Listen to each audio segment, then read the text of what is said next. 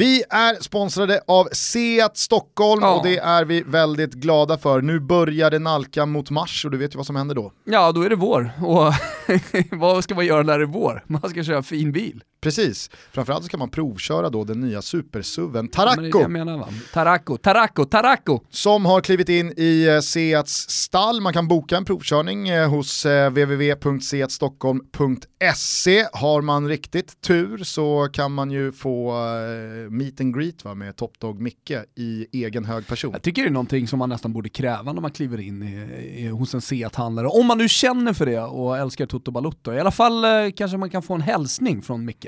Det finns ett par välkända mustascher i skägget där ute. Vi har Hugo Almeida, den Mm. gamla portugisiska bomben. Eh, Erik Haag, svensk medieprofil. Men träffar man Top Dog Micke, då tror jag nog att ni kommer känna samma sak som vi gjorde, att det här är crème de la crème. Det Mm. blir inte bättre. Budskapet här är ju att Seat är kanonbilar och man får jättebra privatleasingdealar. Så är man sugen på en ny bil, ja, till, till och med en ny SUV då, eh, så borde man boka provkörning omgående. Följ Seat Stockholm också på Instagram, där kommer det information och nyheter om allt annat kul som händer där borta. Vi tackar Seat Stockholm för att ni är med och möjliggör Toto Balutto. Nu Kimpa kan du rulla igång introt.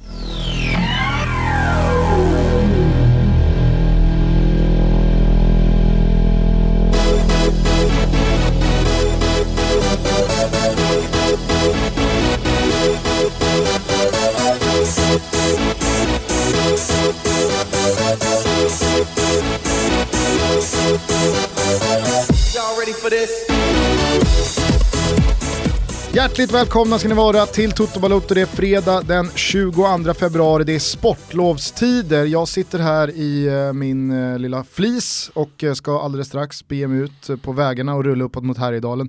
Du dunkar eh, norrut på måndag. Ja, men det du inte har förstått Gusten, det är att du eh, fyller 30 år i år, du har inga barn, så att sportlovet, det gäller liksom inte för dig.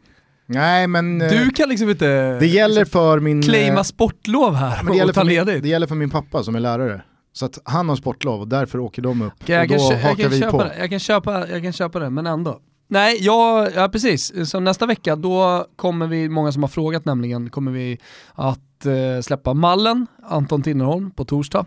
Och sen spelar vi in ett vanligt avsnitt eh, på distans då, på måndag. Precis, så att eh, ni behöver ju inte oroa er och, och tro att eh, sportlovstider gör att Toto tar, tar avbrott. Vi har väl inget avbrott än? Nej. Det rullar på utan hack Mm. i kurvan. Hörru du, det har varit en intensiv eh, Europavecka. Vill du höra ett svep av vad som har hänt? Ja, jag tror att det är många som vill höra ett svep. Den sprakande omstarten av Europakupperna är till ända och den avslutades med en lika delar elektrisk som omdebatterad mittvecka. För det som saknades i vackra mål och flödande anfall under tisdagen vägdes upp av ett sällsynt eh, cyniskt och försvarsinriktat Bayern München. Vilken gameplan från eh, Niko Kovac. 0-0 på Anfield är kanske inte historiens bästa bortaresultat, men nu har tyskarna alla segrande sifferkombinationer i sin hand till returen på Allianz. Ja, Liverpool kanske hade behövt en kasse. Samma förutsättningar gäller för Barcelona som förvisso dominerade mot Lyon men som ändå får tacka Ter Stegen för hållen nolla. Fransmännen stred tappert, men visst hade de behövt i alla fall en ledning att packa ner i Louis Vuitton-necessären för att returmötet skulle kännas levande. Au revoir! Frå Frågetecken. Onsdagens matcher bjöd dock på mål i båda mötena, men vi var väl ytterst få som trodde Schalke skulle vara i ledning i paus när Kun Agüero gjorde 1-0 till City efter knappt 20 minuter. Men domaren, assisterad av sina kollegor i varummet, ville annat. Efter lång betänketid fick Die Königsblau både en och två straffar. Bentaleb borrade in dem och inte kunde väl Schalke mot Pep, vad fan? Nej. Pang, boom, Goldelec, alla Sané och innan krutröken lagt sig hade Sterling hunnit med definitivt avgöra det här dubbelmötet. Om man tyckte snacket om VAR dominerade rapporterna från Garmisch-Partenkirchen, förlåt, Nästa.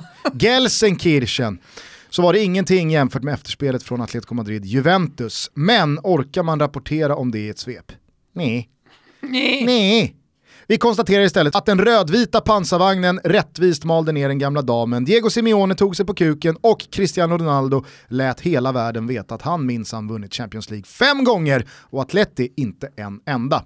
Torsdagen blev inte det moderna miraklets stora stund. Malmö inledde förvisso imponerande med både bollinnehav och självförtroende. Men låt oss vara ärliga, över 180 minuter var de himmelsblå aldrig riktigt nära och de som vill få Marcus Rosenbergs dufftoffel två meter utanför till något slags sliding doors ögonblick får ta den valsen någon annanstans. Dunderkredd däremot till supporterna för två otroligt väl genomförda matcher. Jag hörde borta hörnet konstant genom min tv och jag tycker verkligen svensk fotboll ska slå sig för bröstet både vad gäller sportsliga insatser och stämningsmässiga diton. Bra Malmö! Noterbart i övrigt från Europa League 16-delsrunda är att Sevilla slog ut Lazio utan att släppa in en kasse. Napoli och Inter promenerade mm. enkelt vidare. Arsenal vände på steken mot Bate Borisov. Valencia avslutade Big Mike Lustigs Europa-äventyr med Celtic inom parentes frågetecken. Och Krasnodar med både Klasse Klasson och Koffe Olsson i startelvan mm. slog ut Bayer Leverkusen på Bay Arena. Jag vet inte, reagerar du på något speciellt här i svepet?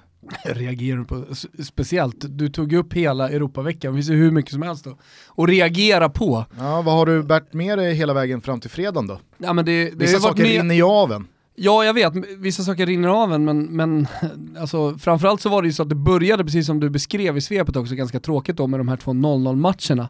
Jag hade ju krönika på kvällen där och den stektes ju tidigt ur tidningen. Det var ju andra saker som var mer intressant i den numera ganska begränsade sportbilagan. Det är ju så på papperstidningarna va, guggis, att eh, pappret har det ju tufft lever ju kvar mer av nostalgiska skäl vad jag har förstått det. Men klicken borta på Getingen måste väl räddats av eh, Kalle Halvarssons musikvideo? Ja, sen ja. Så att, eh, Men den, kom, den vecka... kom väl under tisdagskvällen? Ja det kanske den gjorde det, så att det, det har ju stegrats då under, ja, under hela den här veckan och eh, det fångade ju min uppmärksamhet också. Men nej, sen, sen såklart... Ingen har väl missat här? Vadå? Äh, Kalle Halvarssons eh, mus musikvideo eh, som han släppte. Nej. Ska Kim bara spela 10 sekunder? Ah, av okay. den, här, den här hela dikeskörningen till rap. Skitsamma det är Kalle på micken, det är jag som har riktigt storlek på picken. Petter Northug, vem fan är du? Du har ju lika stora biceps som Bryntes fru. Du har ingått ett vad här nu, med dig själv? Och med Kalle? ja, Kalle kanske inte vet om det här, han vet garanterat inte om det. Om det är inte så att eh, Bobacken och Ludde Holmberg gänget har uppmärksammat honom på det. Du kallade honom för superlosen Kalle Halvarsson. ja, jag tror, var, var det superlosen? Superlosen. Ja, okej, okay. ärkesopa ja. trodde jag att det var. Ja. Någonting sånt. Ja, det är så roligt också att, eh, att folk då eh, svarar, folk som inte känner mig, att jag är så bitter och arg och sånt där. Men, eh, men det är ju så, är man en stor förlorare och de senaste mästerskapen har förlorat, då gör man ju inte en sån här video. Alltså jag kan ju köpa att folk, alltså den lilla skidvärlden, lilla ganska töntiga skidvärlden ändå gör någonting och som Patrik Ekwall skrev till mig, vi, vi mässade lite efter det här eftersom han tyckte att det var lite småroligt sådär. Det han inte förstår, alltså han är för grund när han säger att det är lite småroligt, det han inte förstår det är att man kan inte göra en sån här grej när man har varit så dålig som Kalle, Halv Halvarsson har varit. Dels den här säsongen och dels misslyckats då på eh, de senaste mästerskapen. Det, det är det som är liksom det stora problemet och sen så är det ju så här, om det här var gjort med bara självironi, då hade det varit en sak, men det är ju inte bara självironi. De tycker precis som Ekvall skriver, att det här är ju ändå lite att sticka ut, det händer ju ändå någonting Gugge. Men, jag hörde att de pratade om det i podden med Å, det är alltså Mats Olsson och Patrik Ekwall. Patrik Ekwall är väl eh, ja, mellan 50 och döden någonstans. Och att Närmare Olsson, 50. Ja, okej okay då. Det kanske han är. Medan då, ja men då får man säga Mats Olsson han är närmare döden då. En 50? Alltså, ja, en 50. Alltså åldersmässigt. Eh, och, och de gör en podd och det är gulligt att gamla gubbarna kan, kan hålla på liksom och testa nya medierna och, och sånt där. Eh, men men eh, att de ska ha åsikter om liksom, vad som är humor och inte humor och så vidare. Eh, när man är uppvuxen med buskis va, eh, inom, inom skånsk förort. Det, det, det är vad det är. Men, men nej, det, det är som du säger, det, det, var ju, det var ju sånt jävla plattfall på så många olika plan av, av Kalle här va. Ja det tyngsta eh, fallet. Brynte där... kommer ju undan fint här. Ja, verkligen. Nej men det som blir absolut plattast, det är ju att han han ber om ursäkt till 100% direkt den släpps. Ah, det här var fel, jag ångrar alltså, mig. Stå eh, på dig då! Ja, men om, om, du nu har gjort det här, ett, du kan inte hänvisa till att jag fick inte se den innan. Du vet ju vad du har rappat, du vet vad du har sjungit, du vet vad du har gjort rent visuellt. Spytt på någon docka och liksom tagit dig på kuken och, och eh, slagit huvudet av någon Northug-docka också. Alltså så här, Men, men vad, trodde han, Nor- Nor- vad trodde han skulle lämna det där produktionsrummet? Northug, han, han är inte aktiv längre. Alltså, han är inte med i VM. Nej men, nej men, och det jag bara menar är så här att han vet ju vad han har gjort. Då får han ju för fan löpa linan ut. Ja, ja. Då får han ju liksom så här säga, men kom igen, vad fan, man måste väl Nu få... står och skäms man- lite i målfållan istället.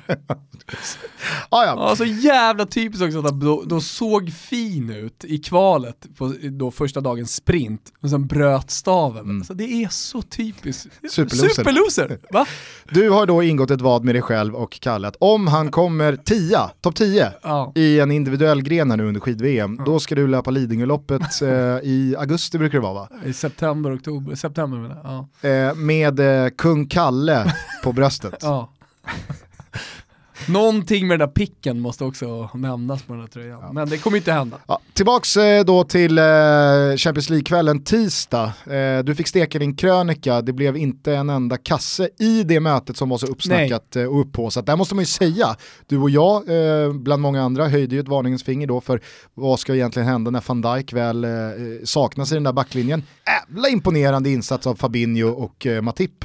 Absolut, och sen så kan man ju fråga sig egentligen hur, hur hårda, tuffa prov de ställdes på. Alltså du, du, du, du beskriver det ju i svepet här att Bayern München kommer med en defensiv strategi och du hyllar ju till och med tränaren här Kovacs. Mm, det var ju ett läge, det hade kunnat vara ett helt annat surr kring eh, deras försvar om att Tipp hade skjutit en boll i mål höll jag på att säga, men det är ju Istället det är för bröstet Istället på för bröstet på Allison. Det, det är så små marginaler menar jag, eller hur? Absolut. Och då hade alla istället, hela fotbollsvärlden sagt, ja men titta vad som händer när van Dijk inte är med. Då är den här jävla Matip inne igen och håller på att förstöra för Liverpool. Mm. Eh, och nu säger vi då istället att eh, det, det var en bra insats. Eh, ja, med den reservationen, eller hur Gusten? Att Bayern München inte var speciellt offensiva utan deras gameplan var någonting annat. Eh, jag noterade också eh, en av de kanske mest ifrågasatta spelarna i detta hyllade Liverpool senaste ett och ett halvt åren. Jordan Henderson gjorde ju kanske sin bästa match eh, någonsin Mm. för Liverpool. Han var ju otroligt bra. Och mot ett sånt motstånd också i ett sånt läge. Det är synd för Liverpool kan jag tycka att de inte får med sig en kasse för de, de, de vaskar i alla fall Nej, fram, i jätte- mitt tycke enligt, eh, tillräckligt mycket för att eh, i alla fall vinna matchen. Absolut, alltså det, det, är så mycket, det är så mycket chanser. Om, som du skulle fråga Fantomen med så klara chanser så borde de väl ha vunnit med i alla fall ett mål den här Mm. matchen, eller? Eh, Jag såg att den här matchen startade helt jämnt på de flesta spelsajter i eh, oddsen att gå vidare. Mm. Båda stod i 1,90 och efter 0-0 med tanke då på att eh, Liverpool inte släpper in ett hemmamål och således ger sig själva chansen att göra en kasse borta mot Bayern München och då måste de göra två och så vidare. Mm. Så känns det som att det där 50-50 eh, läget verkligen lever till returen också. Ja. Nej men det är inga, inga förändrade förutsättningar såklart. Eftersom kuggar som kommer 0-0 tillbaks till, ja, eh, till andra eftersom matchen och 0-0 typ inte är ett resultat, eh, alltså, då utgår man ju egentligen från samma förutsättningar då, när man vänder till Bayern. Eh, Lyon-Barcelona är inte så mycket att orda om tycker jag. Jag, jag, jag, jag. jag upprepar det jag sa i svepet då att alltså, leder inte Lyon ett sånt möte när, när det kommer till Camp Nou så är det nog bara en, Ja, men, det- är en formalitet att Ja, spela det, det där. det blir ju en fjäder i hatten, det blir en guldstjärna i kanten när eh, Lyon summerar sin säsong, att de ändå gör en så pass bra match som de ändå gör mot Barcelona här och de får med sig ett kryss dessutom. Mm. Eh, och de är inne i en bra period, vi, vi sa ju det inför det här mötet, att de har ju spöat PSG i ligan. PSGs första förlust i ligan den här säsongen, så att det blir ingen invincible säsong för dem. Och nu då så gör man det här mot Barcelona, jag är övertygad om att man kommer dessutom göra en bra match borta mot Barcelona. Så det, det, det är ett Lyon, eh, jag ska inte säga som man ska frukta, men, men som har någonting på gång kanske, igen. Eh, betydligt mer rubriker då från onsdagen. Börjar man i eh, Gelsenkirchen. Det är kul att du trodde under svepet att jag liksom sa, sa fel. Ja, jag var inne och på att... Garmisch-Partenkirchen. Gar, gar. eh, det är väl där det hoppas eh, backhoppning på nyårsdagen. Garmisch-Partenkirchen ja. Ja. Mm. Eh, och i Du sa något annat ja. ja, och i Gelsenkirchen så Spelas det boll ja. spelas det Mm. boll på Fältins Enligt arena. Svanemar är en av de tråkigare städerna som man någonsin har varit i. Ja, han, det brukar kan- alltid det hylla, han brukar alltid hylla, ja just det, du har ju varit där också. Mm. Eh, nej, han brukar alltid hylla de ställena han varit på i Destination Europa. Kan man kolla på när han åker runt. Eh, nu har han varit i Aten Yes, och sett Olympiakos eh, mot AIK va? Just det, program som kommer ut på måndag. Jävligt bra program, hur som helst. 10 minuter, 20 minuter sådär. Så får man koll på ett stort hett möte ute i Europa. Men Görs här... i samarbete med våra vänner på Betsson också va? Så Ja, just eh, det. Det, det, det, det, är en kvalitetsgarant. Oj, oj, oj. Nej men det jag skulle säga var bara att uh, Gelsenkirchen, hur som helst, när jag kom hem därifrån var det bara pff, aldrig mer. Nej. Mm. Ja, jag har själv varit där, det, det är inte mycket att hurra över. Däremot Men var han tydlig Arena, med att Gelsenkirchen, alltså Fältens Arena, mycket bättre tryck än på eh, väst, gamla Westfalen, alltså Mm. Dortmunds. det, det säger man ju också lite för att provocera. Sticka ut. Okej då, men Svanemar är lite hipster. Men jag, jag, jag förstår ändå vad han menar. Det är inte alltid den där gula väggen skapar magi. Eh, det går väl att argumentera eh, kring eh, huruvida de där straffarna föll sig korrekt eller inte. Jag säger inte så mycket om den första straffen eh, där Otamendi tar med handen. Däremot så vänder jag mig emot att han ska få gult kort. Det känns lite så här, ah, fel.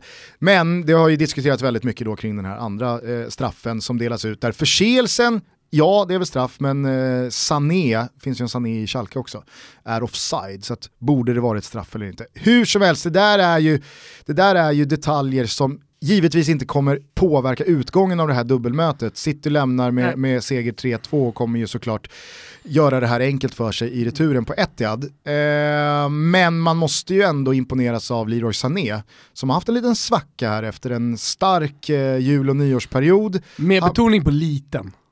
Absolut, men i ett sånt där lag så är det ju väldigt små ja, men detaljer som skiljer en spelare från startelvan och toppform till Ja, han är, bänken och ja, knappt absolut, jag håller med, men han är också så bortroterad någon match för att vara bra i just de här matcherna som är så viktiga. Ja. Otrolig frispark han trycker dit i alla Mm. fall mot sitt eh, gamla lag.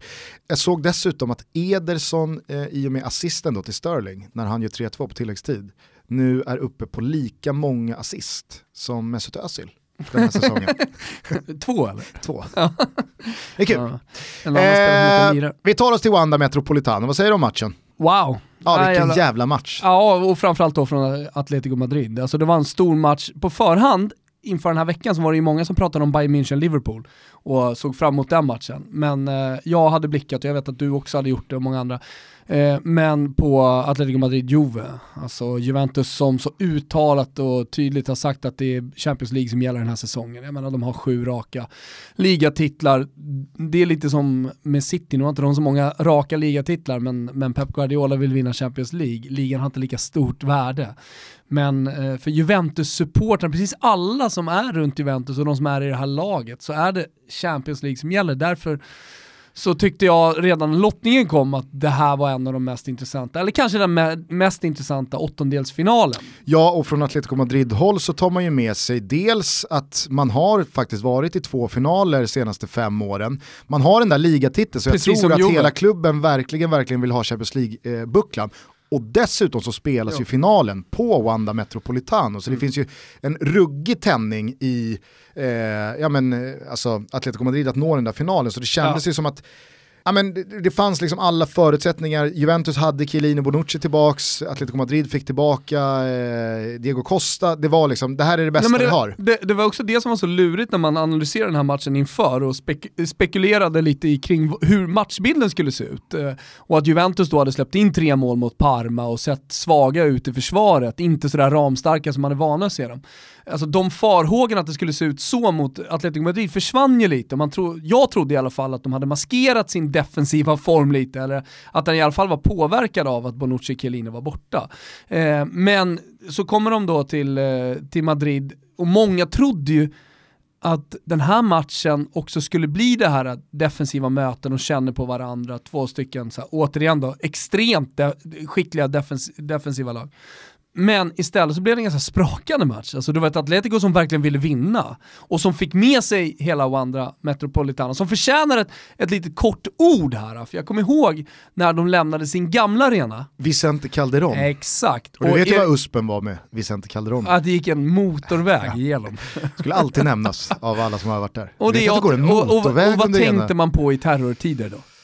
Eh, Ja, det gjorde jag i alla fall, att man åkte in i en jävla lastbilskaravan mitt under en jävla match och sprängdes liksom. Det var det enda jag kunde tänka på. Vågade typ inte åka till Vicente Calderon. Eh, men, men, eh, nej men jag kommer ihåg, Erik Niva skrev en krönika efter, och inget emot den krönika, men alltså, Typiskt att man tänker så, att nu lämnar de Vicente Calderon, eh, det var, det var budskapet lite grann. Tar du det jävligt piano va, med kritik gentemot Niva? ja, precis eh, nej, och, eh, och ska, ska lämna, då menar han på att så här, ja, men det, det, här är någonstans en epok som går i graven. Och hur ska egentligen Atletico Madrid ta sig vidare nu när man lämnar? Och det kan man ju konstatera nu, efter ganska kort tid och efter den här matchen mot Juventus och andra matcher också, men, men som jag ser det i alla fall efter den här matchen mot Juventus, att Vicente Calderon, den har vi glömt. Ja, men, och det var inte... Jag minns fan inte Vicente Calderon, jag minns inte trycket, jag har ändå varit där. Så jag minns ingenting från Nej men och det var ju inte bara eh, liksom, arenaskiftet man oroades för. Du och jag har pratat väldigt mycket genomgående i den här podden om liksom, när ska bubblan spricka för Atletico Madrid? När ska de största spelarna börja lämna? Så det har varit eh, Griezmann Griezmann och Oblak och Diego Simeone inte minst. Nu har han skrivit på ett nytt kontrakt, Griezmann tror jag inte jag ska någonstans. Morata signad. Ja, Diego Costa är Visst var Kalinic kvar eller? Eh, Tror fan han blev kvar. Eller lämnade slut. Nej, vad fan var det Kalinic gick? Han skulle Men det var ju mycket surr om att han skulle till Turkiet. Äh, gick han månne till Galatasaray eller sånt? Äh, skitsamma, nu sitter vi och, ja. och gissar. Det är en googling bort för alla. Eh, nej men eh, alltså, Jan Oblak tror jag också känner så här, ja, efter en sån här match också, slår man ut Juventus som har varit en av de tydligaste favoriterna till bucklan också. Vad fan ska han lära? Alltså, men framförallt så är det ju så, de lagen precis bakom de största, och med största menar jag de rikaste, de som kan betala högst löner. Det är så få och som en målvakt till exempel, ja finns det plats i Barca, finns det plats i Real, PSG, några bjässar i eh, England? Nej, ah, men då tjänar han lika bra som man skulle göra någon annanstans. Man måste ju dessutom lyfta de lite mer anonyma spelarna i Atletico Madrid som i en sån här match visar att de håller absolut högsta ja. nivå. Alltså deras innerfält med Rodrigo och mm. Thomas Partey. Ja. Eh, alltså, tittar man på det vid första eh, ögonkastet så känner man så här, ja det här är ju inte Juventus nivå. Uh, här är det ju klar fördel, men det, det, de har ju knappt ett misstag på hela Nej. matchen. Nej, men jag är med dig, jag imponerades väldigt mycket av att Atletico Madrid verkade bedöma dubbelmötet som att vår bästa chans till avancemang är att få med oss en seger från första mötet mm. snarare än att fokusera på att hålla nollan och kanske nöja sig med 0-0. För då gäller Juventus som klar favorit på Allianz Stadium i Turin. Nu har de 2-0, visst det är inte avgjort men det kändes ju som att även efter 1-0 så tryckte man på. Ja, ja. För att liksom, nu, nu, blöder de och nu, nu trycker vi på tills de, tills de svimmar här. Men det, ähm, det ja. jag tycker också att det var starkt mentalt att efter att ha blivit bort, äh, fått det där målet bortdömt på VAR, ändå resa sig och fortsätta trycka på. Jag kände att, uh, Juventus, att det skulle vända där, att Juventus skulle få ja, men hitta lite moral som de hade tappat eh, och som var försvunnen och få lite vind i seglen och att eh, det domslutet skulle göra att de kom tillbaka in i matchen. Eh, men istället så blev det nästan tvärtom. Mm. Att eh, Atletico Madrid fick ännu mer energi och fortsatte trycka på. Och gör inte bara som du säger 1-0, de gör 2-0 också. Alltså, mer eller mindre döda matchen. De tar den i alla fall från att det ska vara 60-40 eller någonting sånt till att det är 80-20. Ja, men jag tycker också att eh, Simeone ska hyllas för sin matchcoachning här. Det brukar ju vara, alltså nu, nu ska det direkt sägas att han har ju väldigt sällan under den, den här säsongen haft hela truppen att tillgå, alltså mm. ur ett fysiskt perspektiv. När han nu hade det så blev jag ändå positivt överraskad av att i ett, i ett sånt skede mot en sån motståndare, när han ändå har ett gynnsamt resultat att gå på, inte defensivviktar sina byten. Han skickar in Lemar, han skickar in Morata. Så mm. det är så här, nej, jag, jag, jag, tyckte verkligen Atletico Madrid imponerade från eh, Oblak hela vägen fram till, till spjutspets. Nej, exakt. Och det, det imponerande är ju, om man nu ska blicka in i framtiden, eh, att, att man får med sig supportrarna precis på samma sätt som man fick på Vicente Calderon. Så nu är ju Atletico Madrid Eh, ett, ett sånt där lag som man hatar att möta, som man kommer liksom, likt Galatasaray eller Turkiet hemma, eller eh, ja, klassiskt Liverpool alltid bra på hemmaplan, vad det nu är. Alltså ett av de här stora lagen som får med sig publiken. Men bland det värsta jag har varit med om också i tryck, när de får eh, allting, alltså när de får målet och när de får 2-0 och eh, som du sa, Diego Simeone tar sig på kuken och allting liksom bara går, går framåt. Då blir det en så jävla mäktig energiboost som eh, man eh, inte ser på så många håll. Han måste släppa den där slipsen nu va?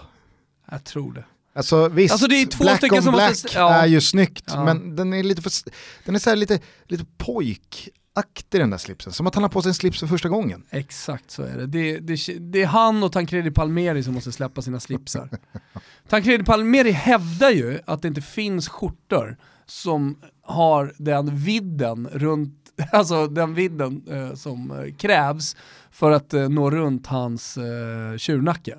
Nej. Men det är klart det finns. Det är ju bara skräddarsyan. Det finns för tjänster på nätet. Så han sitter ju alltså i statliga televisionen RAI med en knapp uppknäppt och sen så då en sån här pojkaktig, väldigt smal slips som var populär när Filippa K kom liksom 99. Ja, det är för dåligt. Det är för dåligt. Eh, Tank var ju en av alla som hade någonting att säga kring de här omdebat- omdebatterade eh, VAR-besluten. Eh, men det var ju ett som stack ut då givetvis när Morata nickar in 1-0. Eh, men som sen blir bortdömt då eh, för att eh, Chiellini får en knuff i ryggen av honom. Alltså, så här, jag vet att du eh, var ute hårt på Twitter och svingade mot alla då som kritiserar VAR eh, snarare än att man riktar kritik mot att det är domaren som tar ett domslut med hjälp av VAR och att VAR inte då ska ha någon skit. Men klart man kan kritisera VAR, alltså här måste man ju verkligen förstå hur jag menar. Det är Twitter, man har inte så många tecken på sig. Men det är klart man får vara för eller emot VAR. Men det är ju samma gamla jävla djurspår som man är kvar i. Man säger samma saker och man upprepar samma saker hela tiden. Är det, inte lite tråkigt att kolla på fotboll och, och liksom vara kvar där och bara fy fan vad tråkigt det är, åh VAR, åh VAR. Det, det är i grunden ett svagt jävla domslut. Kan vi inte bara återfinna domarhatet Gusten?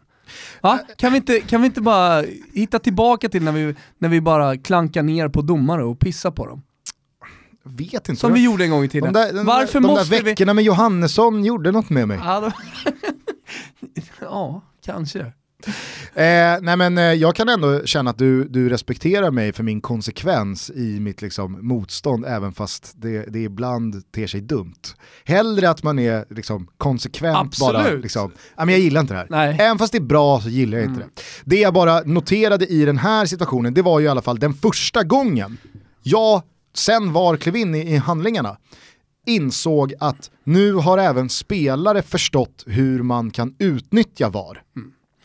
Och det gör ju Chiellini i den här situationen. Han ser direkt när bollen lämnar, vem det nu är som slår inlägget, om det är Lemar eller Griezmann eller vem det nu är, eh, att den här bollen kommer inte jag nå och Fast- högst troligt är att eh, Morata står i en position bakom mig och kommer nicka in den här från, från nära håll.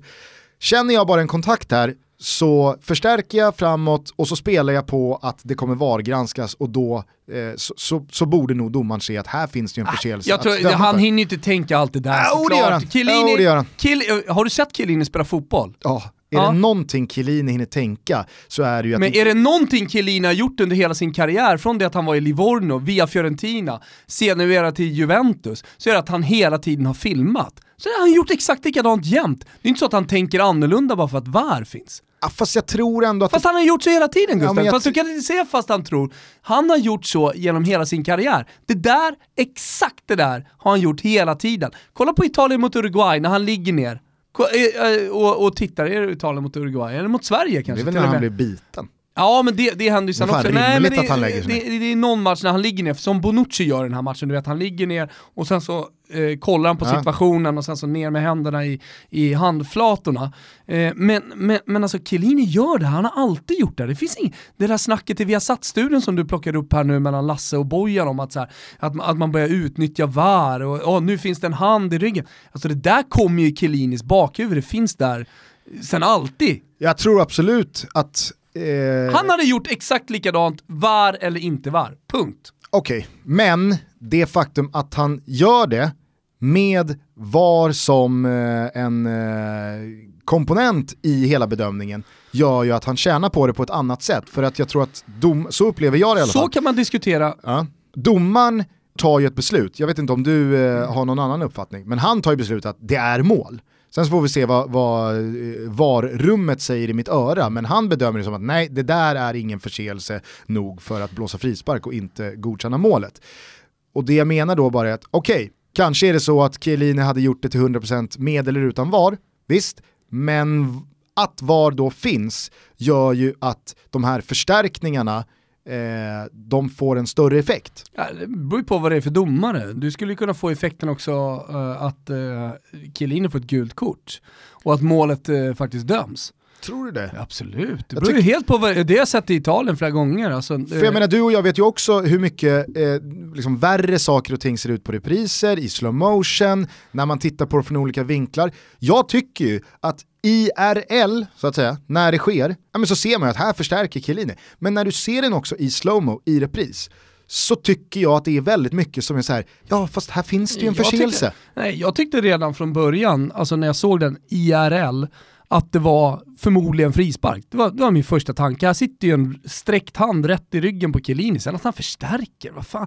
Vi måste sluta landa hela tiden i att spelare förstärker hit eller dit. Alltså det kommer de alltid göra, vi kommer leva med det, att, att spelare förstärker alla situationer. Det är jag helt med på, jag tror bara att de kommer få överlag jo, men det är mer jävla, praise jo, för men, Nej det tror inte jag. Jag tror snarare tvärtom. Jag tror att, jag tror att, det, jag tror att de kommer få betal, alltså jag tror att eh, anfallarna i ett sånt här läge kommer få betalt vad det lider. Ja, ja. Men, men du vet ju också, för jag menar, du är ju den största förespråkaren för detta. Du vet ju också att det är lättare för honom att blåsa frispark eh, till eh, Chiellini, till hans fördel. På grund av att det är en hand från De Chilio som han blåser på i första halvlek, som han också varkollar, som är precis lika mycket touch på Diego Costa. Eller? Mm. Det är klart att den situationen som är VAR-granskad också påverkar den andra situationen. Men det måste jag, du ju hålla med om. Absolut, samtidigt så är ju jag av eh, åsikten att domare är till 100% människor som då påverkas av... Det är det jag säger. Ja, jo men båda är ju mot eh, Atletico. Ja, det, det, nej han blåser ju straff första. Exakt, och då tar han ju bort straffen. Vilket gör hemmapubliken pissed off, laget ja, pissed off. Fast han, jo, på ett sätt absolut, men han tar ju fortfarande, han tar ju fortfarande fri, alltså han tar ju domslutet emot eh, Juventus. Alltså, jo, det, men... det, han, han, bedömer ju att den handen ändå sitter i ryggen, så att det är tillräckligt för att det ska bli en frispark. Men att det skulle blåsas, det är väl ingen som diskuterar där. Det är väl snarare då... Alltså, Fast det är ju lika fri... mycket frispark som, eh, som eh, Moratas hand på Chiellini. Kanske, jag menar bara att båda är ju mot Atletico. För att frispark skulle det bli på Diego Costa, det var ju straff eller inte, och han börjar ju med straffen så att han backar från straff fri, till frispark. frispark skulle det bli, alltså... jag menar bara att när straffen uteblir och det blir frispark istället så sitter ju inte 60 000 på läktaren och jublar men, för att han skit blåste. Men skit i läktaren, han har kollat på en situation där det är en väldigt liten hand i ryggen på Diego Costa, ja. sen är det en väldigt liten hand i ryggen på Chiellini. Det är klart som fan att det påverkar. Du menar att det blir enklare för honom för att han då är konsekvent? Absolut, ja. ja. Men sen är det ju också, bara avslutningsvis, kring eh, VAR och alla diskussioner som, som sedan blev. Alltså det som händer nu, det är ju att alla Premier League-krönikörer eh, vaknar i och med att eh, VAR inte har funnits hos dem, förutom i kupperna, men där har man inte riktigt brytt sig. Eh, nu är det Manchester City som på ett eller annat sätt, positivt eller negativt, skitsamma, påverkas. Eh, det är stora matcher. Eh, nu också de allsvenska fotbollssupporterna som inte har sett en match i Italien eller Spanien eller Tyskland, eh, för det märker man ju direkt, liksom, att här, här är det folk som inte har man någon jävla koll på Man märker hur många som ser så lite fotboll från Italien och Spanien och Tyskland, där det här har funnits i två ja. år. Nej men det var någon Norrköping-supporter, jag tror han har varit med i, i någon, noll, nej, något slags webb-tv-program på fan-tv i alla fall som, som, som vaknade till liv och liksom skulle ha åsikter om var. Eh, det, det jag menar är att så här, nu när det är på den här nivån, alltså när det är Champions League, när helt plötsligt alla kollar, då får ju det här nytt liv. Eh, och jag försökte förklara det, nu, nu blir det svårförklarat på Twitter, men jag försökte förklara att jag har gått 300 varv med exakt samma för och emot-argument. Jag orkar inte gå liksom, ytterligare 300 varv med nya människor som skriver på Twitter till mig för att de vet att jag är för VAR. Är du med? Mm. Men sen, sen, måste folk också förstå att jag är inte för liksom, sättet VAR används på just nu. Klart att det måste utvecklas. Det här är ju pinsamt, det är katastrof. Alltså i grunden så vill ju jag bara kolla på fotboll precis som alla andra. Det, det, det är liksom, I grunden så, så håller vi alla med varandra. Eh, det jag menar är att i framtiden så kommer vi nog få en mer rättvis fotboll. Och jag kommer ifrån ett supporterskap där eh, liksom man har eh, tagit bort titlar från mig. eh, på grund av eh, domslut, då, domare som har varit köpta och så vidare. Eh, och jag ser VAR som en möjlighet att liksom bli av med den typen av eh, ja, men kriminalitet inom fotbollen. Jag tror också att det kommer kunna hjälpa till liksom, mot matchfixning till exempel. Eh, på, på ett och annat sätt, liksom, när man har, ja, men genom att köpa domar och så vidare. Skitsamma, jag ska inte gå dit, jag bara konstaterar att jag blir så jävla trött på att diskutera VAR. Sen eh, kastar jag mig ut där och, och, och ja, kommenterar det. Men eh, jag ska nog avsluta liksom, allting som har med VAR att göra och istället diskutera fotboll. Vi kanske ska sätta VAR i utvisningsbåset ett tag. Ja men vad härligt. Eh, det känns som att det har blivit ett par varv eh, VAR för mycket här nu ja, eh, ja. mot slutet och Jag det är tröttsamt. Ja. Eh, I slutändan, men håll med mig, i slutändan är det ju domslut. Fan, det är vad det är. Förutom den där fejkade offsiden på Mestalla. Jo, jo. men det, det är en den. match, en händelse av miljarder händelser varje vecka. Fan, låt oss fokusera på de andra. Ja, oavsett vad så konstaterar vi att Atletico Madrid i alla fall fick med sig en rättvis seger eh, med 2-0 och att man nu är dunderfavoriter till att ta sig vidare till kvartsfinalerna av Champions League. Vi säger stort tack till Norwegian som är med och sponsrar Toto Balutto. De tar inte bara världen närmre utan de tar fotbollen närmre. Mm. Och jag gillar att de också pratar om att de tar fotbollens huvudstäder närmre. Mm. För att eh, det har ju alltid varit lite så här, Rom är Italiens faktiska huvudstad. Mhm. Men Milano är väl nästan fotbollshuvudstaden. Alltså, nu är det många romanisti och laziali som kanske inte håller med, men jag tycker att fotbollens La Scala, San Siro, är den mäktigaste fotbollsarenan som finns där ute. Jag har varit på många ställen. Camp Nou, och jag har varit i Cardiff inför 85 000 Champions League-final. Jag har varit på små arenor i Serie B och i engelska andra divisionen. Men jag måste fan säga att det finns ingenting fetare än att gå på La Scala del Calcio, fotbollens La Scala, San Siro. Milano är dessutom en jäkla bra knutpunkt för eh, andra fotbollsorter i närliggande område. Ja, det hade ju varit magstarkt om jag hade sagt Varese här nu va. Men det är faktiskt jäkla fint att åka till Varese. Men Bergamo, ja det är bara 45 minuter bort och kolla på Atalanta, du har Turin, du har Genoa och så vidare. Eh, det, är en, det är en fotbollsknutpunkt och det är en väldigt trevlig weekendstad. Jag flög till Milano en gång och så bara pang tåget till Parma. Ja du ser. Det gick inte speciellt eh, långsamt. Alltså, med det italienska tåget kommer precis överallt väldigt snabbt. Eh, det är ett dunderresmål, en underskattad stad. Testa Milano hörni. Och så hjälper vi gärna till med lite tips när ni väl är på plats. Jajamän, det bara ja, och Du så. vet ju att jag kommer landa på mig de här frågorna, men absolut, jag lovar, jag kommer ge er mina bästa tips. Ni vet ju vid det här laget också att eh, vi tillsammans med Norwegian ger er 10% rabatt Oj! på alla flygningar från svenska flygplatser. Den här rabatten gäller fram till den 10 mars, koden är TOTO2019 och ni gör allting enklast via sidan norwegian.com toto. Och då In där. tänker folk så här, 10 mars, shit, det är ju snart. Nej, nej, nej, nej. Alltså man kan ju boka då och få rabatten på resor hela vägen fram Ah. till den 9 juni. Så det här är ju ett supererbjudande Norwegian erbjuder alla Toto Balutto-lyssnare och varför inte boka in La Scala del Calcio i Milano San Siro. Tack till Norwegian! Stort tack. Vi är denna vecka sponsrade av Pepsi och Mm. de har ett budskap. Jaha. De vill uppmana Jaha. fler människor att våga ta steget över från sockrad cola till sockerfri cola. Mm. Det kan man ju förstå. Rimligt budskap. Ja, jätterimligt budskap. Socker är inte bra. Nej. Socker är inte bra. Och eh, det första kriteriet eh, som eh, konsumenterna eh, ja, men, tror jag stöter och blöter när det kommer till valet av koladryck, det är ju såklart smaken. Mm. Därför, Ja, det kan vi tycka är viktigt. ja, hur? Jo, men alltså, det finns ju många Ja, parametrar. priset är ofta detsamma va? Eller då sockret, kalorier kanske, Ja, vad det nu kan vara. Men smaken är ju det viktigaste, det har man ju lärt sig också via alla eh, matlagningsprogram man har tittat på. Mm. Ja, det, visst, det är viktigt hur det ser ut och sådär, men smaken, det är key. Pepsi har därför gjort en oberoende studie med hjälp av 48 000 eh, koladrycksdrickande konsumenter. Det är många. Ja, och den här studien är då alltså ett blindtest mot den bästsäljande sockrade koladrycken på marknaden. Och så har man då eh, skickat in sin Pepsi Max. Eh, hur många tror du eh, föredrog Pepsi Max?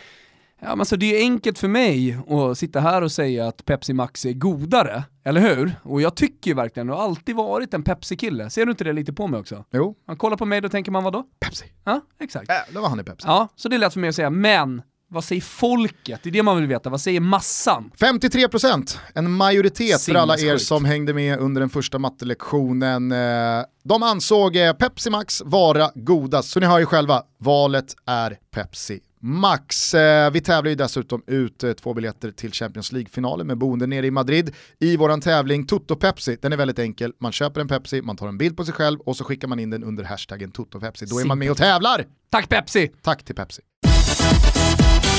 Eh, vi måste ju såklart också beröra torsdagen, Europa League och eh, precis som förra veckan så var ju de flesta ögonen riktade mot Stamford Bridge och Chelsea-Malmö. Jag kan tycka att det, ja, men det, det finns ju som alltid två sidor av myntet men den här glaset är halvfullt, vibben som är att Malmö på något sätt var nära kan jag känna, va? Vadå, tyckte folk det eller? Ja men det var alltså så här, oh det är två kanoninsatser, och det är ju två kanoninsatser ur ett relativt perspektiv. Jag, är Malmö jag har helt är. missat det där. Jag vet att medierapporteringen var har ju varit otrolig kring den här matchen. Det är ju nästan som eh, en kvartsfinal i VM. Mm. Alltså vi, vi, Expressen har haft eh, 40 pers nere bara och sen Aftonbladet och alla andra som också ska ha folk på plats. Det har varit sanslöst tryck alltså. Nej, men jag, alltså, så här, jag förstår att det är en stor grej och jag tycker att det ska vara en stor grej. Ja, Ehm, ja, ja. Men eh, där ute på plan över 180 minuter så var det ju både klasskillnad och i ärlighetens namn aldrig speciellt nära. Det slutar 5-1, visst det hade kunnat vara 3-1 men det hade också kunnat vara 7-1. Chelsea går på halvfart med lag som är ett par spelare för många från en ordinarie startelva när det gäller som mest. För att man också ska känna att Han sa ju det, Malmö- Sarri direkt efter matchen också, för han fick frågan om Chelsea City av engelska reportrar. Så sa han, "Ja, jag har tänkt på, tänkt på den här matchen i två veckor nu.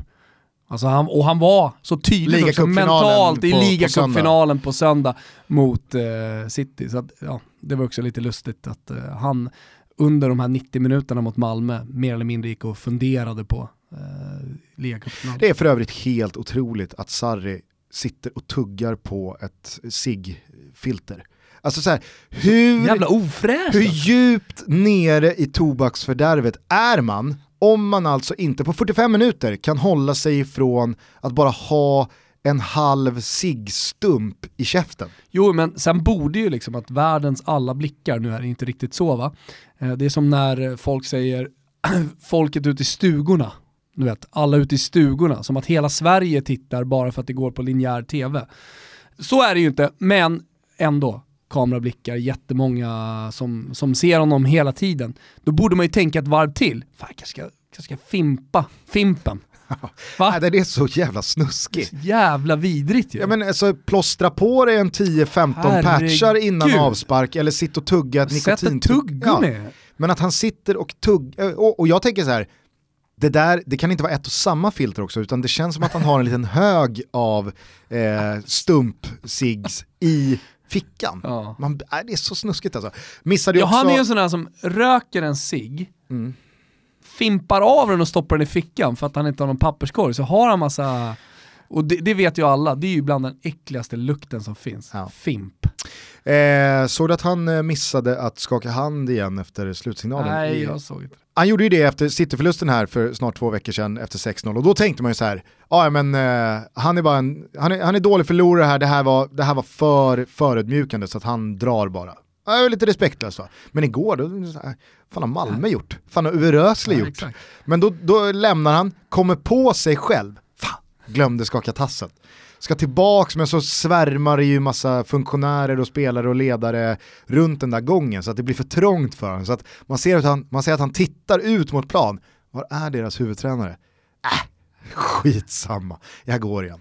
Ja, det är Eh, lika bra. Nej men jag skulle bara säga det att eh, rent sportsligt när jag i, de, i, i, i mitt huvud ser tillbaka på de här två matcherna, utöver Christiansens reducering på stadion i slutet av den matchen, jag skakar ju knappt fram en, en, en riktigt Ja, Rosenberg har väl något läge här på Stamford Bridge. Ja men det var det jag kallade för Men- dufttoffel Ja, i, i, svepet. det. Alltså, så här, det var inget sliding doors ögonblick. Jag, alltså om jag ska vara helt ärlig, jag visste inte ens att eh, de tongångarna fanns. Så att, eh, ja, det, det, är väldigt förvånande. Men låt oss vara ärliga då, eller som vi precis är här nu. Det, det var aldrig ens nära. Skithäftigt för alla 3000 Malmö-supportrar som fick vara på plats. Eh, för Ponne som fick åka ner för Leeds och alla hans kompisar och sjunga. Men det är ju också skithäftigt för dem. Mm. Det är ju lite balt för oss eh, svenska fotbollsälskare eller vad det är, eh, att det är ett svenskt lag med att det är den stora verkligheten som Malmö, ett svenskt lag, får vara med om. Men alltså, helt ärligt, det är ju för dem. Det är ju för dem som är där, eller de som bor i Malmö och alla Malmö-supportrar. Sen är det, det, är ingen nationell angelägenhet egentligen. Nej, men jag tycker att Malmö-supporterna verkligen ska slå sig för bröstet här för att de levererar jo, jo. ju två supportermässiga insatser Självklart. som är väldigt, väldigt bra PR för uh, fotbollen i Sverige och den svenska supporterkulturen. Så jag tror att det smällde lite högre ja, än Östersunds, uh, ja. Östersundsfalangen som åkte ner till, till London i, i fjol. Jo, men de har inte riktigt den kulturen uppe i Östersund. Det är en, det är en ganska färsk uh, fotbollspublik där uppe. Det, det, är väl annat som har varit i fokus i Östersund. Typ skidskytte, de har ju en mäktig skidskyttevall. Det jag skulle säga Gusten är att eh, jag skulle fråga dig, vilka är då de två internationella stora fotbollsstjärnorna de, de, de, stora internationella fotbollsstjärnorna som har satt den svenska supporterkulturen eh, på pränt. Så PR-mässigt perfekt. Jag vet inte vad du Det är ju först Cavani som säger att Aha, de, Trycket aha. på Råsunda. Jag trodde du menade så... svenskar. Nej, nej, nej internationella stora fotbollsstjärnor. Ja. Cavani säger ju till Siavush Falai för övrigt, som ställer frågan, att trycket på norra, eller på då sista matchen på Råsunda, var bland det bästa han har hört. Eller det bästa han har hört, var det inte så? Jag tror citatet var det är det bästa jag någonsin har varit med om. Och då vet man att det stämmer ju inte. Det stämmer ju inte. Utan det är liksom man vet någon slags språkbarriär där som inte funkar. Det är man är ju 100% säker. Framförallt så vet man ju också att hade inte Napoli vunnit och Cavani gjort mål ja. så hade han ju inte varit lika bjussig med verkligen, betygen. Verkligen inte. Och det är såklart att han har varit med om bättre tryck än det på Råsunda. Även om det var bra, det var fint. Och sen så nu i den här matchen då, eller om det var första matchen, så är det väl eh, Sarri Mm. som säger att det var ett litet, eh, som ett litet San Paolo. Mm. Eh, just det där eh, ordet litet ja, försvann, försvann, i väldigt ja. mångas rapportering ja, ja. av Sarris det, ord. Ja, ja, och det är det som blir den här pepparkakan som bara blir större och större när man då återberättar, som 30 år när alla som var på stadion ska jag berätta för barnbarnen om det här, då var det ju liksom, ja, och du vet tränaren, han sa att det var bättre tryck där än vad det var på San Paulo. Ja. Och det ni, ska ni veta, det är en tokig arena. Men om 30 år så gäller samma devis. Den storyn behöver man inte kolla, Nej. utan då får man så. helt enkelt bara nicka med och, och, tänka att jaha, så var det säkert. Helt rätt. Eh, jag vill inte, liksom, jag vill inte, jag vill inte eh, poppa någons ballong här.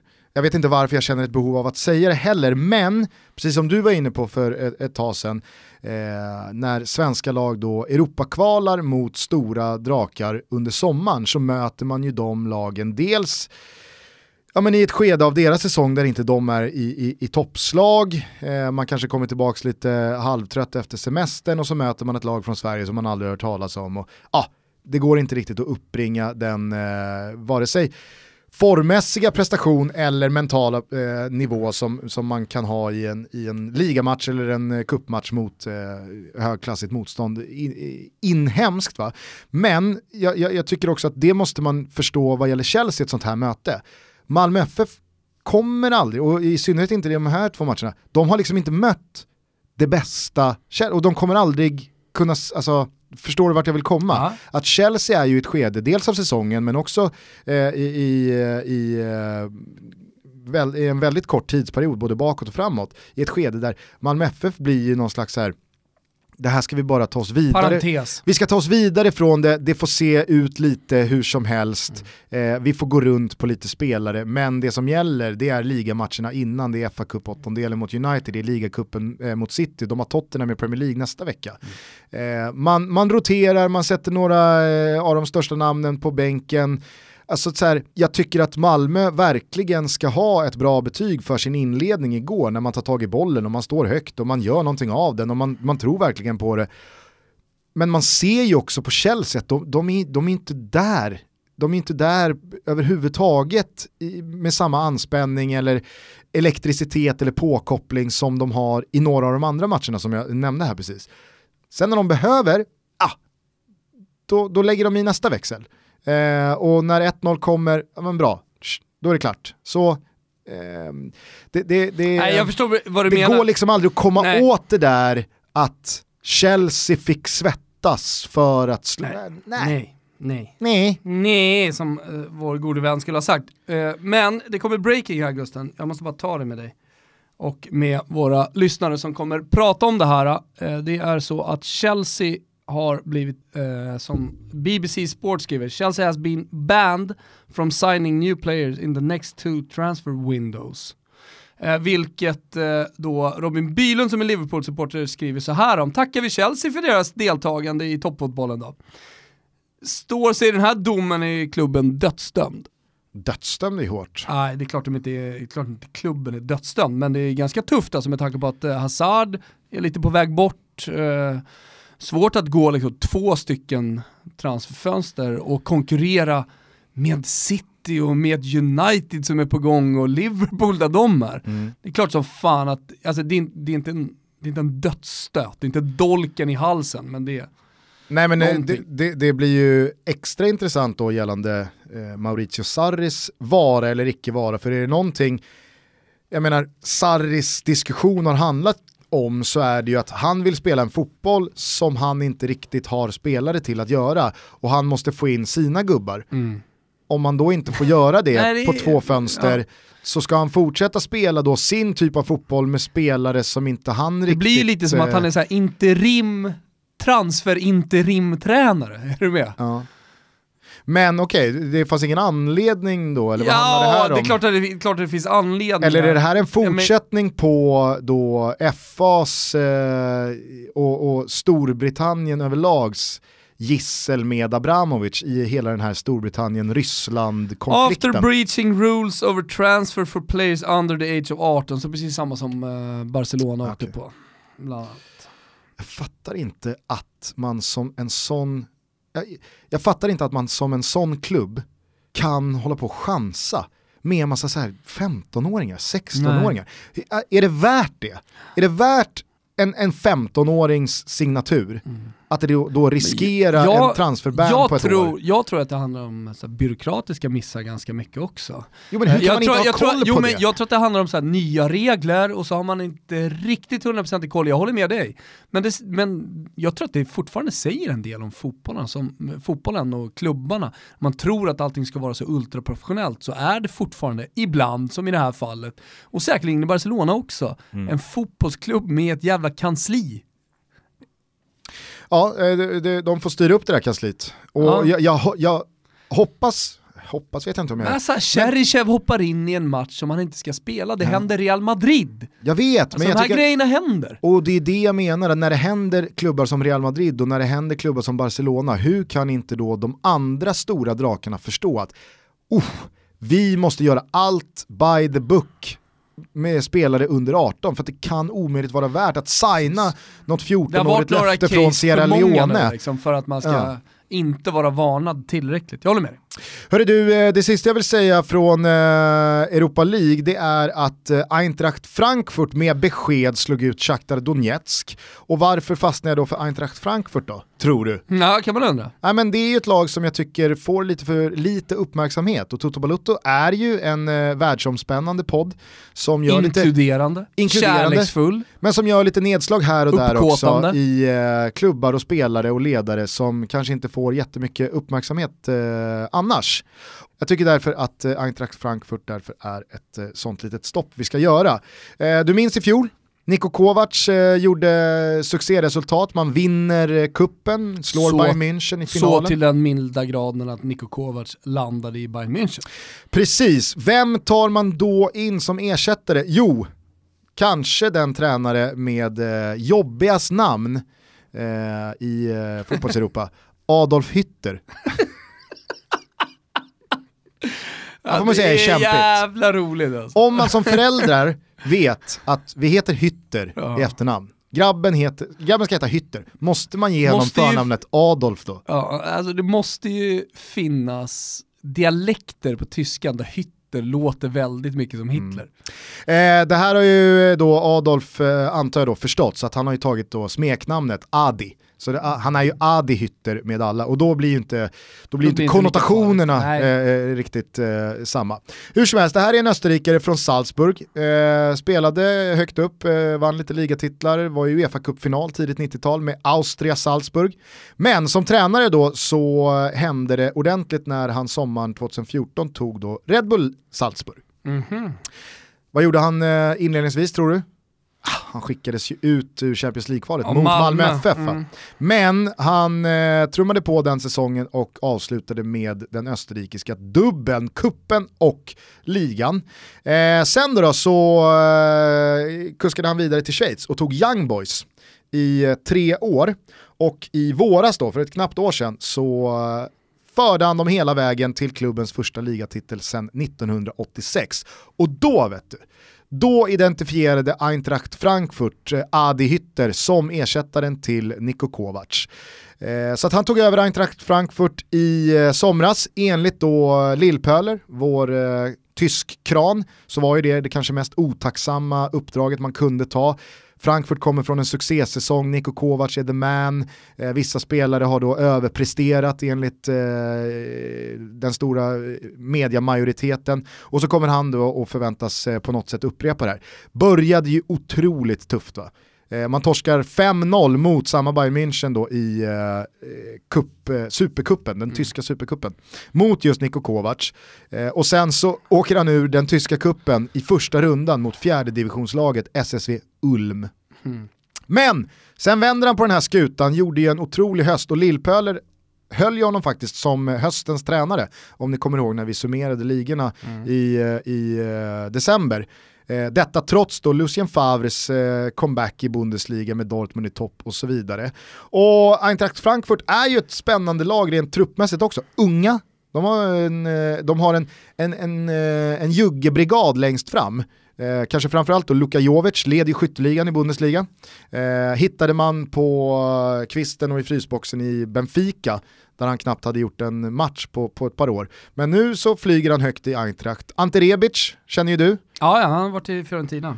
Eh, från tiden i Italien där, han har ju också sett otroligt bra ut. Kevin Trapp, målvakten, eh, fick ju lämna PSG. Jag, jag gillar bara hur du benämner, eller hur, hur du pratar om Luka Jovic, låter ju som typ, nästan en avdankad lirare som har suttit kvist i Benfica. Nej men precis. Alltså, det, det är en snubbe som är född 1997. Ja. Alltså, han har ju hela framtiden för sig. Han har inte riktigt fått chansen. Han har fått chansen att sitta på kvisten i Benfica. Det är ju någonting positivt. Fast så sa man väl inte direkt om Erdal Rakip heller. Alltså, Fast, fast nu, nu ska vi lugna oss med jämförelserna rent kvalitetsmässigt mellan Erdal Rak- Rakip och eh, Luka Jovic. självklart, jag menar bara att man, man, man pratar ju väldigt sällan i termer Nej. kring Erdal Rakip, att hans äventyr i Benfica var positivt. Ja, ja, nej men jag, jag menar bara att vi ska, man ska vara försiktiga med att göra det till någonting negativt s- som det ändå blir. Så, ah, suttit på kvisten några säsonger, då, då får man ju känslan av att så här, det här är en gammal lirare som har... Men hade du lyssnat noga så inledde jag ju då hela truppsnacket med att det är ett väldigt ungt Jag lag eh, och att eh, man då hittade Luka Jovic Ja. i Benfica. Och det får man ju säga är bra scouting Det är då. mycket bra scout.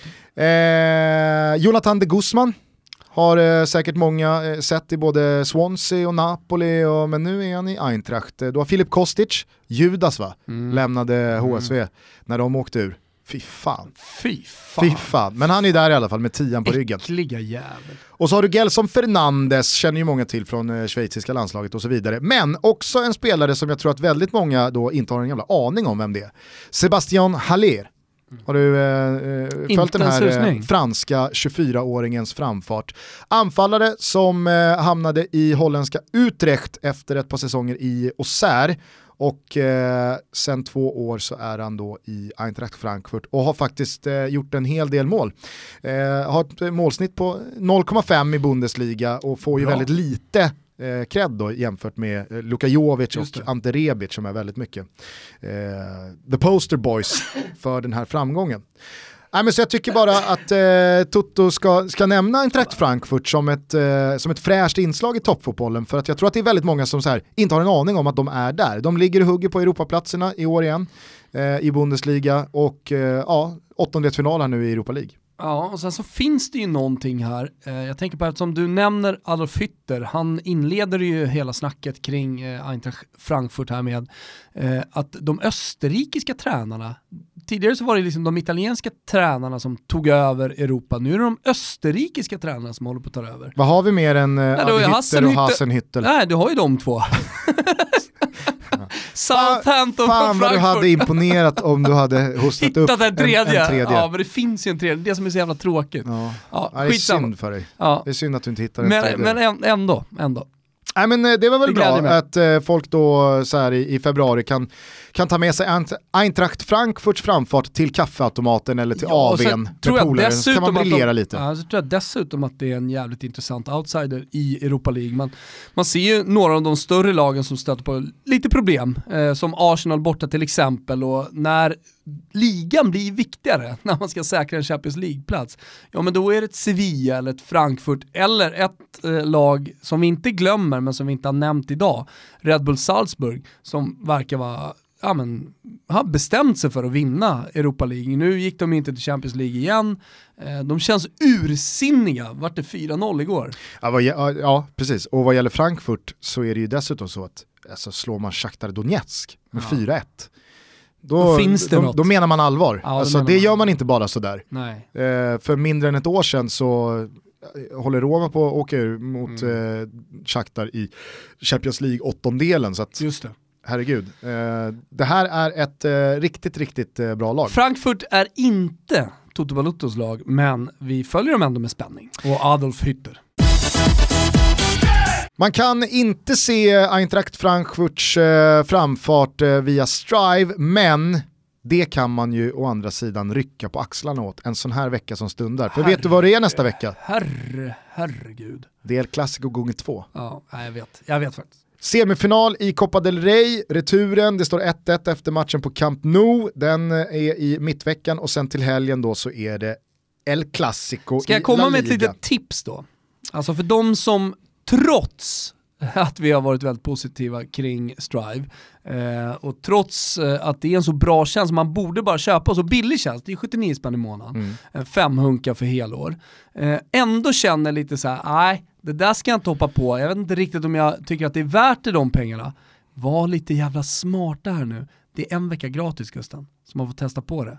Är det någon gång man ska testa på det så är det ju nu när det är dubbel El Clasico. Men vet du vad man också kan göra? Nej. Man kan ju haka på då den lilla utlottning som vi kör tillsammans med Strive på Twitter. Ja! För de lottar ut inte bara ett helårsabonnemang av Strive utan dessutom en eh, Real Madrid-tröja och en Barcelona-tröja. Och det enda man behöver göra det är att retweeta den tweet som eh, man hittar via oss och Strive Mm. på Twitter och skriva då vilken tröja man själv hade föredragit om man nu vinner.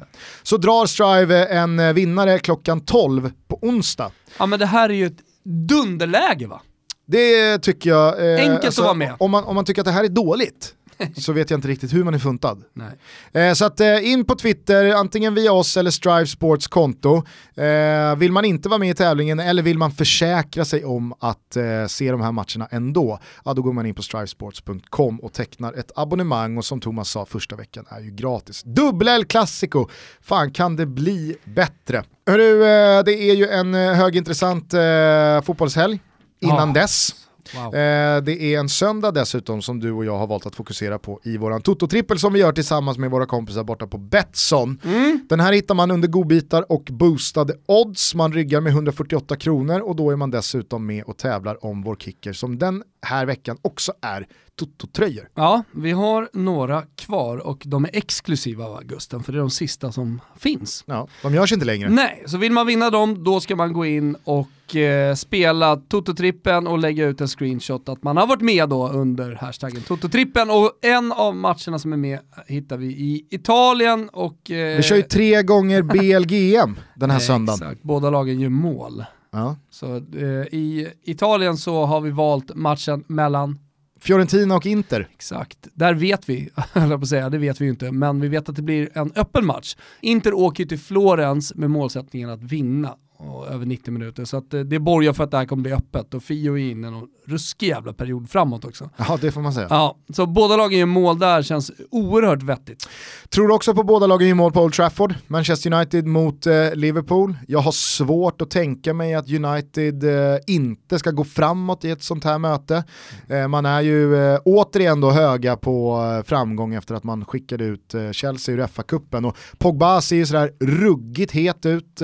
Visst, man kanske saknar Martial, men nej, det är klart att de ska göra mål och Liverpool vet vi alla vad de besitter i kontringsväg och sådär. Så att eh, båda lagen är mål på Old Trafford och samma spel placerar vi då på Westfalen som kanske inte har samma tryck som eh, Fältins Arena, men det görs ju mål här från ligaledarna Ja. när eh, snorheta Bayer Leverkusen kommer på besök. Ja, det är två stycken heta lag och det är klart att det kommer göras mål. Så att båda lagen gör mål, Leverkusen och Dortmund. Kusan har ju dessutom gruvlig revansch tror jag att Så utkräva efter att ha åkt ut Europa League mot Krasnodar. Det var nog en missräkning. Eh, så att, eh, nej, båda lagen gör mål i alla de här tre matcherna. Ni hittar trippen alltså på Betsson.com. Fina Toto-tröjor som kickers. Tack till er Betsson för att ni är med och gör Toto Balotto så jävla roligt. Nu! Vi har dessutom börjat pusha på här för en ny Toto-cup. Det Ja. ser man ju fram emot. Mm, men när du säger Toto Cup, vet du vad jag tänker på då? Toto-cupen. Coppa Toto. Coppa Toto. Coppa Toto, exakt. Vår fotbollsturnering, 1-2 juni, kommer bli den största händelsen denna sommar, inget mästerskapsår. Då kör vi istället ett eget litet mästerskap på Gärdet va Gusten? Så jäkla fet fotbollsturnering med bankett eh, på Tele2, Champions League-final och fan och hans moster va. Det här vill man vara med på, man vill åka hit med sina polare, man vill åka hit med sitt lag.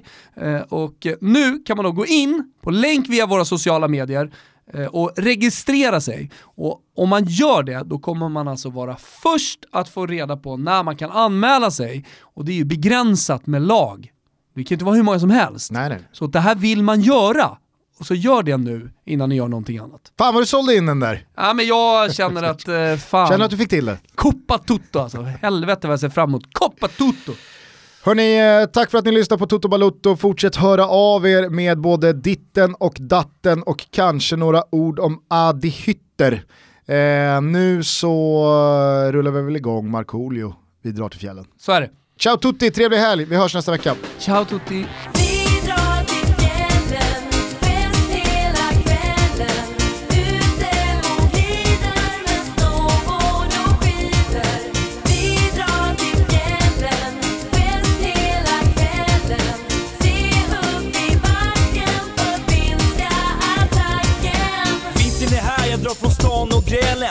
Dags att rensa själen så jag sticker till Sälen. Platsen som uppfyller min ideologi. Massa bärsbrudar och schysst ski. Dumpa prylarna och dra till backen. Skidorna är på, jag kommer finska attacken. Nu är det dags för största bedriften. Jag har lite knas med att fånga liften. Jag brukar få ta hjälp av en grinig liftvärd Men jag är stolt så det blir vandringsfärd. Utmattad och helt paj i kroppen. Sätter mig på knä, skriker äntligen toppen! Känner mig säker, känner mig stark. Precis som Stenmark är jag backens monark. Skidbil och på, dags sticka. Böj mig fram, jag hör brallorna spricka. Vi